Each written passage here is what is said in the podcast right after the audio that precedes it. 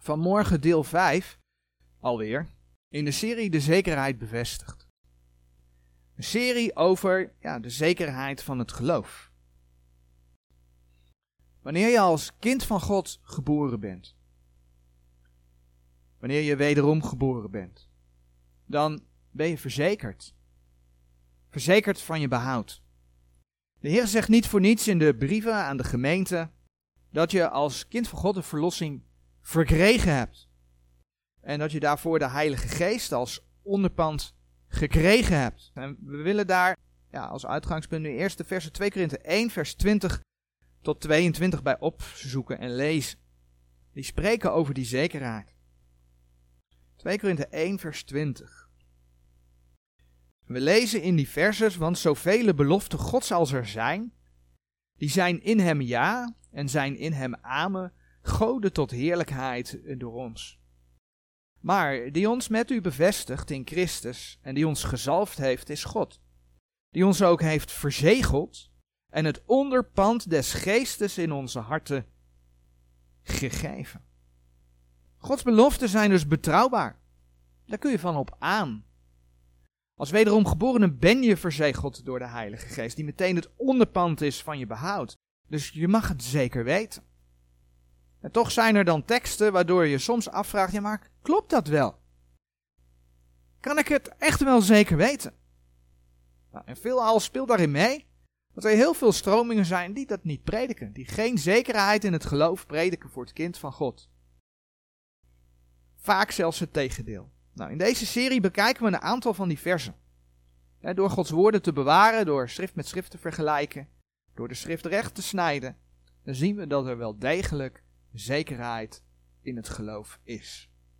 Nou, de laatste keer dat we bij deze serie stilstonden, hebben we gekeken naar Hebreeën 6, vers 4 tot en met 6. En aan de hand van die teksten wordt veelal beweerd dat wederom geboren gelovigen verloren kunnen gaan. Afvalligen zouden zich niet meer kunnen vernieuwen tot bekering. Nou, we hebben bij Hebreeën stilgestaan zien dat Hebreeën geschreven is aan de Hebreeën, aan de Joden. We hebben naar de context gekeken van dat gedeelte en gezien hoe de overeenkomsten zijn met datgene wat de profeten zeggen, wat het Joodse volk zal gaan gebeuren. En dat ja, de boodschap in Hebreeën in eerste instantie leerstellig is voor de Joden in de grote verdrukking. De Joden die die tijd van Jacobs benauwdheid in zullen gaan, waar de profeten in het Oude Testament over spreken, en die uiteindelijk bij de tweede komst van de Heer Jezus hun Messias zullen aannemen, die tot bekering gaan komen. Dus door schrift met schrift vergelijken zie je dan dat die teksten, dat die niet voor de gemeente zijn. Als kind van God hoef je niet bang te zijn voor het oordeel, omdat Jezus Christus voor jouw zonde gestorven is. Nou, vanmorgen willen we in Filippenzen 3 vers 11 ja, willen we dat vers lezen, Filippenzen 3 vers 11, en daarbij stilstaan. Filippenzen 3 vers 11 zegt, of ik enigszins mogen komen tot de wederopstanding der doden. Of ik enigszins mogen komen tot de opstanding der doden. Als je dat vers op zich leest, zonder naar de context te kijken, zonder naar het grotere geheel te kijken. Ja, dan lijkt dit vers die zekerheid tegen te spreken. Als je naar de directe context kijkt, zegt Paulus zelfs: Niet dat ik het alrede gekregen heb. Niet dat ik het alrede gekregen heb of alrede volmaakt ben. Maar ik jaag daarna of ik het ook grijpen mocht. Waartoe ik van Christus Jezus ook gegrepen ben. Dus de vraag is dan, als je, als je die twee versen zo leest, is Paulus wel zo zeker van zijn zaak? Is Paulus wel zo zeker van alles? als hij zegt, niet dat ik het al reden gekregen heb. Nou, deze teksten, Filippenzen 3 vers 11, maar ook vers 12, de context, gaan over de wederopstanding der doden. of ik ook enigszins mogen komen tot de wederopstanding der doden. Nou, wat wil het geval? Als je gaat kijken wat de schrift over de wederopstanding der doden zegt, dan zegt de schrift dat elke gelovige zal opstaan. Laten we 1 Thessalonicense 4 opzoeken. Elke gelovige zal opstaan. 1 Thessalonicense 4 vers 13 tot en met 16. Het bekende gedeelte over de opname van de gemeente. Dat de Heer zijn kinderen gaat thuishalen. Maar laten we kijken wat daar geschreven staat. Doch broeders, ik wil niet dat gij onwetende zijt van degenen die ontslapen zijn, opdat gij niet bedroefd zijt gelijk als de anderen die geen hoop hebben. Want indien wij geloven dat Jezus gestorven is en opgestaan, alzo zal ook God degene die ontslapen zijn in Jezus wederbrengen met hem. Want dat zeggen wij u door het woord des Heren, dat wij die levend overblijven zullen tot de toekomst des Heren, niet zullen voorkomen degene die ontslapen zijn. Want de Heer zelf zal met een groep, met de stem des archangels en met de bezuin Gods nederdalen van de hemel. En die in Christus gestorven zijn, zullen eerst opstaan. Tot zover even. Je kunt daar ook bij lezen 1 Korinthe 15 vers 49 tot en met 55. Paulus heeft het erover dat hij niet wil dat we onwetend blijven. En dan zegt hij in vers 16 dat de in Christus ontslapenen zullen eerst opstaan. Zullen. Nou, wat zegt dat woordje? Zullen. Het zal gebeuren. Punt. Dat is helemaal geen vraag. Als je dat gedeelte opzoekt in 1 Korinthe 15, gaan we nu niet lezen, maar als je dat zou opzoeken, dan lees je in vers 53 bijvoorbeeld, dat het verderfelijke moet onverderfelijkheid aandoen. Dat staat in 1 Korinthe 15 vers 53. Dat is niet van dat gaat misschien gebeuren. Nee, het moet. Het moet gebeuren. Daar is helemaal geen vraag over in de schrift. En sterker nog, we hebben het over de gelovigen gehad. Zelfs de ongelovigen zullen eens opstaan. Dat is een heel ander moment, een hele andere situatie, maar het zal wel gebeuren. Als je in Openbaring 20 vers 5 kijkt. Openbaring 20 vers 5. Dan wordt er geschreven over de mensen die dus ja, niet zijn opgestaan op dat moment. Het gaat over de overigen der doden. Dan staat daar maar de overigen der doden werden niet wederlevend totdat de duizend jaren geëindigd waren. Deze is de eerste opstanding. Wat zegt dat? Dat zegt dat de mensen die niet in Christus ontslapen zijn, als we het gewoon op deze gemeentetijd betrekken, dat die ook zullen levend worden. Nou ja, als je dan leest in Openbaring 20, vers 11 en 12, dat de doden voor de Heeren zullen verschijnen, dan weet je dus dat mensen die voor het oordeel komen, die zullen door de Heeren levend gemaakt worden. En zullen voor het oordeel van God verschijnen, om daar ja, op basis van hun werken geoordeeld te worden. En dan zullen zij, zoals Openbaring 20 vers 15 zegt, naar de poel des vuurs verwezen worden, omdat ze de Jezus verworpen hebben. Maar daaruit blijkt wel dat ieder mens uiteindelijk een opstanding gaat meemaken. Maar wat betekent dan Filippenzen 3 vers 11? Wat betekent dat vers dan als we daar lezen? Of ik enigszins mogen komen tot de wederopstanding der doden. Wat betekent dat? Laten we de context van het stukje lezen. We gaan het gedeelte lezen van vers 7 tot en met 14. Filippenzen 3 vanaf vers 7. Maar hetgeen mij gewin was, dat heb ik om Christus wil schade geacht. Ja, gewisselijk, ik acht ook alle dingen schade te zijn om de uitnemendheid der kennis van Christus Jezus mijn Heer. Om wiens wil ik al die dingen schade gerekend heb en acht die drek te zijn, opdat ik Christus mogen gewinnen. En in hem gevonden worden, niet hebbende mijn rechtvaardigheid die uit de wet is, maar die door het geloof van Christus is, namelijk de rechtvaardigheid die uit God is door het geloof. Opdat ik Hem ken en de kracht zijner opstanding en de gemeenschap zijns lijdens, zijn dood gelijk voor me gewordende. Of ik enigszins mogen komen tot de wederopstanding der doden. Niet dat ik het al reden gekregen heb of al reden volmaakt ben, maar ik jaag daarna. Of ik ook grijpen mocht, waartoe ik van Christus Jezus ook gegrepen ben. Broeders, ik acht niet dat ik zelf het gegrepen heb. Maar één ding doe ik. Vergetende hetgeen dat achter is en strekkende mij tot hetgeen dat voor is, jaag ik naar het wit tot de prijs der roeping Gods, die van boven is in Christus Jezus. Nu is de vraag, als we dit stukje zo lezen, een klein beetje meer van de context gezien hebben, gaat dit gedeelte over tot geloof komen? Gaat dit gedeelte over behoud? Nee, daar gaat dit helemaal niet over.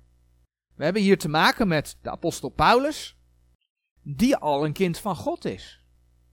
En hij zegt als kind van God dat hij in zijn navolging van de Heer Jezus alle dingen acht schade te zijn.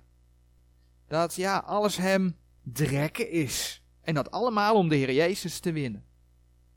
Hij wilde niet uit zijn eigen rechtvaardigheid leven, maar door de rechtvaardigheid die uit de Heere God was. Uit het geloof. En daar jaagde hij naar. Hij jaagde naar, vers 14, het doel tot prijs der roeping Gods. Hij wilde de prijs behalen. En wat is de prijs? De prijs dat heeft met loon te maken. De prijs dat heeft met beloning te maken, met kronen. Dat is waar de schrift over spreekt. Dus zonder dat in deze context het woordje erfenis gebruikt wordt, gaan deze context over het behalen van loon en kroon, over het behalen van een erfenis. En omdat het om een beloning gaat waar je voor moet werken. Want ja, een beloning dat zegt iets, je doet iets en daar word je voor beloond. Weet je nooit zeker of je het voldoende gedaan hebt. Je moet afwachten wat voor beloning je krijgt in de eeuwigheid. Hè? Je ziel is behouden, je bent een kind van God. Maar heb je ook geleefd voor de Heer? Want de schrift laat zien dat de Heer dat beloont. Nou, Paulus wist dat hij niet volmaakt was. Dat blijkt uit vers 12. Daar zegt hij niet dat ik al reden gekregen heb of al reden volmaakt ben. Hij wist dat hij niet volmaakt was. En daarom bleef hij er naar jagen. Om dat loon te verkrijgen vergat Paulus ja, alles wat achter hem lag. En hij strekte zich uit naar hetgeen voor hem lag. Hij wilde niet meer met zijn vlees bezig zijn, waar hij vroeger mee bezig was. Hij wilde voor de Here bezig zijn. alles wat vroeger gewin was voor hem, dat achter die ja, drek om Christus wil. Vers 7 en vers 8. En dan moet je bedenken dat Paulus, die aan de voeten van Gamaliel gezeten had, en dat was een man van aanzien onder de Joden. En dat achtte die voor drek. Nou, dat hij aan de voeten van Gamaliel gezeten heeft, dat kun je vinden in Handelingen 5, vers 34, Handelingen 22, vers 3. Hij achtte dat voor drek. Het ging niet om zijn aanzien. Hij wilde leven voor de Here, om loon en kroon voor de eeuwigheid te verdienen. Ja, en de vraag is dan natuurlijk, is dat voor jou? Een Bijbelgedeelte dat ja, die strijd voor loon ook laat zien is 1 Korinthe 9. Vers 24 tot en met 27. 1 Korinthe 9. We lezen in die versen, weet gij lieden niet dat die in de loopbaan lopen, allen wel lopen, maar dat één de prijs ontvangt. Loopt al zo dat gij dien moogt verkrijgen. Nou, het is natuurlijk niet zo dat één iemand een loon krijgt en de rest niet. De Heer gebruikt dit als beeld. Er staat ook, loopt al zo dat gij dien moogt verkrijgen. Nou, en dan vers 25. En een iegelijk die om prijs strijdt, onthoudt zich in alles. Deze dan doen wel dit, opdat zij een verderfelijke kroon zouden ontvangen. Dat is hier op aarde. Alles wat we hier op aarde vergaren is allemaal verderfelijk. Maar wij een onverderfelijke. Dat is waar we, ja, als het goed is, als christen voor leven. Ik loop dan al zo, niet als op het onzekere, ik kamp al zo, niet als de luchtslaande, maar ik bedwing mijn lichaam en breng het tot dienstbaarheid, opdat ik niet enigszins, daar ik anderen gepredikt heb, zelf verwerpelijk worden. Paulus streed voor een kroon, door zijn lichaam zijn vlees te bedwingen. Nou, het lichaam, ja, dat is hetgeen waarvan de Heer laat zien, dat als je hem als persoonlijke verlosser hebt aangenomen, dat is met hem gekruisigd. Dat blijkt bijvoorbeeld uit Galaten 2 vers 20. Hè? God ziet eigenlijk jouw lichaam voor dood. Galaten 2 vers 20. Ik ben met Christus gekruist en ik leef, doch niet meer ik, maar Christus leeft in mij. En hetgeen ik nu in het vlees leef, dat leef ik door het geloof des Zoons Gods die mij lief gehad heeft en zichzelf voor mij overgegeven heeft. Wat we hier lezen, zo zou het eigenlijk moeten zijn. Maar ja, we hebben nog steeds dat lichaam aan. En Paulus laat ook zien in Romeinen 7 dat het juist dat vlees is, dat het dat lichaam is waar de zonde in woont. Romeinen 7, vers 17 en 18 bijvoorbeeld. Ik dan doe dat zelf nu niet meer, maar de zonde die in mij woont. Want ik weet dat in mij, dat is in mijn vlees, geen goed woont. Want het willen is wel bij mij, maar het goede te doen, dat vind ik niet. Dat is Romeinen 7, vers 17 en 18. En hoe moet je daar dan mee omgaan? Nou, dat laat de Heer zien. De Heer roept je eigenlijk op om je vlees voor dood te houden. Om niet in de zonde te leven, maar te leven tot eer van Hem. En dat vind je een hoofdstuk ervoor in Romeinen 6. En dan vers 11 tot en met 13. En als we die versen gaan lezen, bedenk dan dat in Filippenzen 3 vers 11 sprake was of ik enigszins mogen komen tot de wederopstanding der doden. Want eigenlijk vinden we zo in Romeinen 6 het antwoord op die vraag, wat dat inhoudt. Romeinen 6 vanaf vers 11.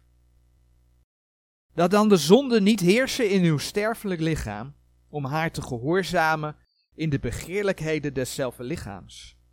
En stelt uw leden niet der zonde tot wapenen der ongerechtigheid, maar stelt u zelf goden als uit de doden levend geworden zijnde. En stelt uw leden goden tot wapenen der gerechtigheid. Hebben we dat gelezen? Maar stelt u zelf goden als uit de doden levend geworden zijnde. Daar hebben we die wederopstanding. Daar hebben we die wederopstanding. Houd de zonde voor dood. Stel jezelf als uit de doden levend geworden zijn. De goden tot wapenen der gerechtigheid. In Christus ben je levend geworden. Dat is je positie in Christus.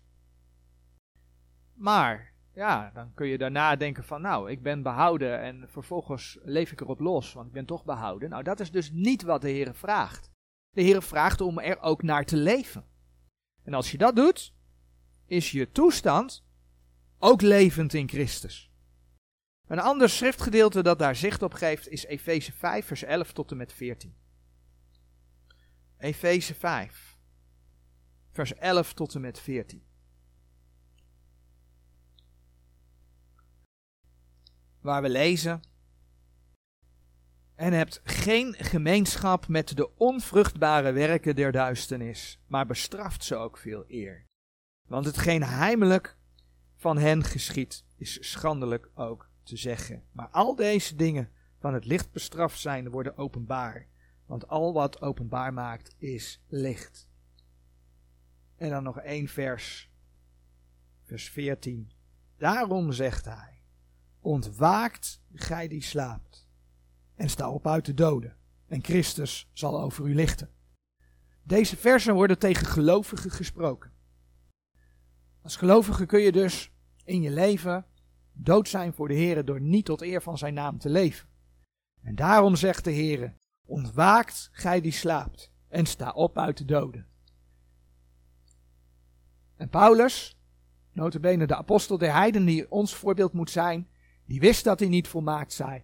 Die zei, of ik ook enigszins mogen komen tot de wederopstanding der doden. Dat was zijn wens. Hij wilde voor de Heer leven. Nou, andere versen die je daar nog bij op kunt zoeken zijn Efeze 4, vers 22 tot en met 24. Maar dit is dus exact waar Filippenzen 3, vers 10 tot en met 12 over spreken. Ik lees de versen nog een keer voor. Filippenzen 3, vers 10 tot en met 12. Opdat ik hem kennen en de kracht zijner opstanding en de gemeenschap zijns lijdens, zijn dood gelijkvormig wordende. Of ik enigszins mogen komen tot de wederopstanding der doden. Niet dat ik het al reden gekregen heb, of al reden volmaakt ben, maar ik jaag daarna, of ik het ook grijpen mocht, waartoe ik van Christus Jezus ook gegrepen ben. Alhoewel ook hier de context over het vlees gaat, hè, dat lees je bijvoorbeeld in Filippenzen 3 vers 4, zien we dat ook hier, ja, dat het hier ook hier over het lijden gaat. Dus door je vlees te bedwingen, door te lijden voor de naam van de Heer Jezus, word je niet behouden, want als kind van God ben je behouden.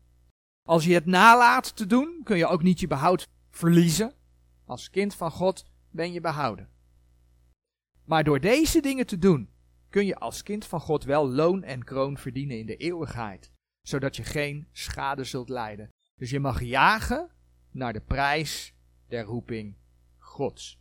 En daarom, nogmaals, wat Efeze 5 vers 14 zegt, ontwaakt gij die slaapt en sta op uit de doden en Christus zal over u lichten.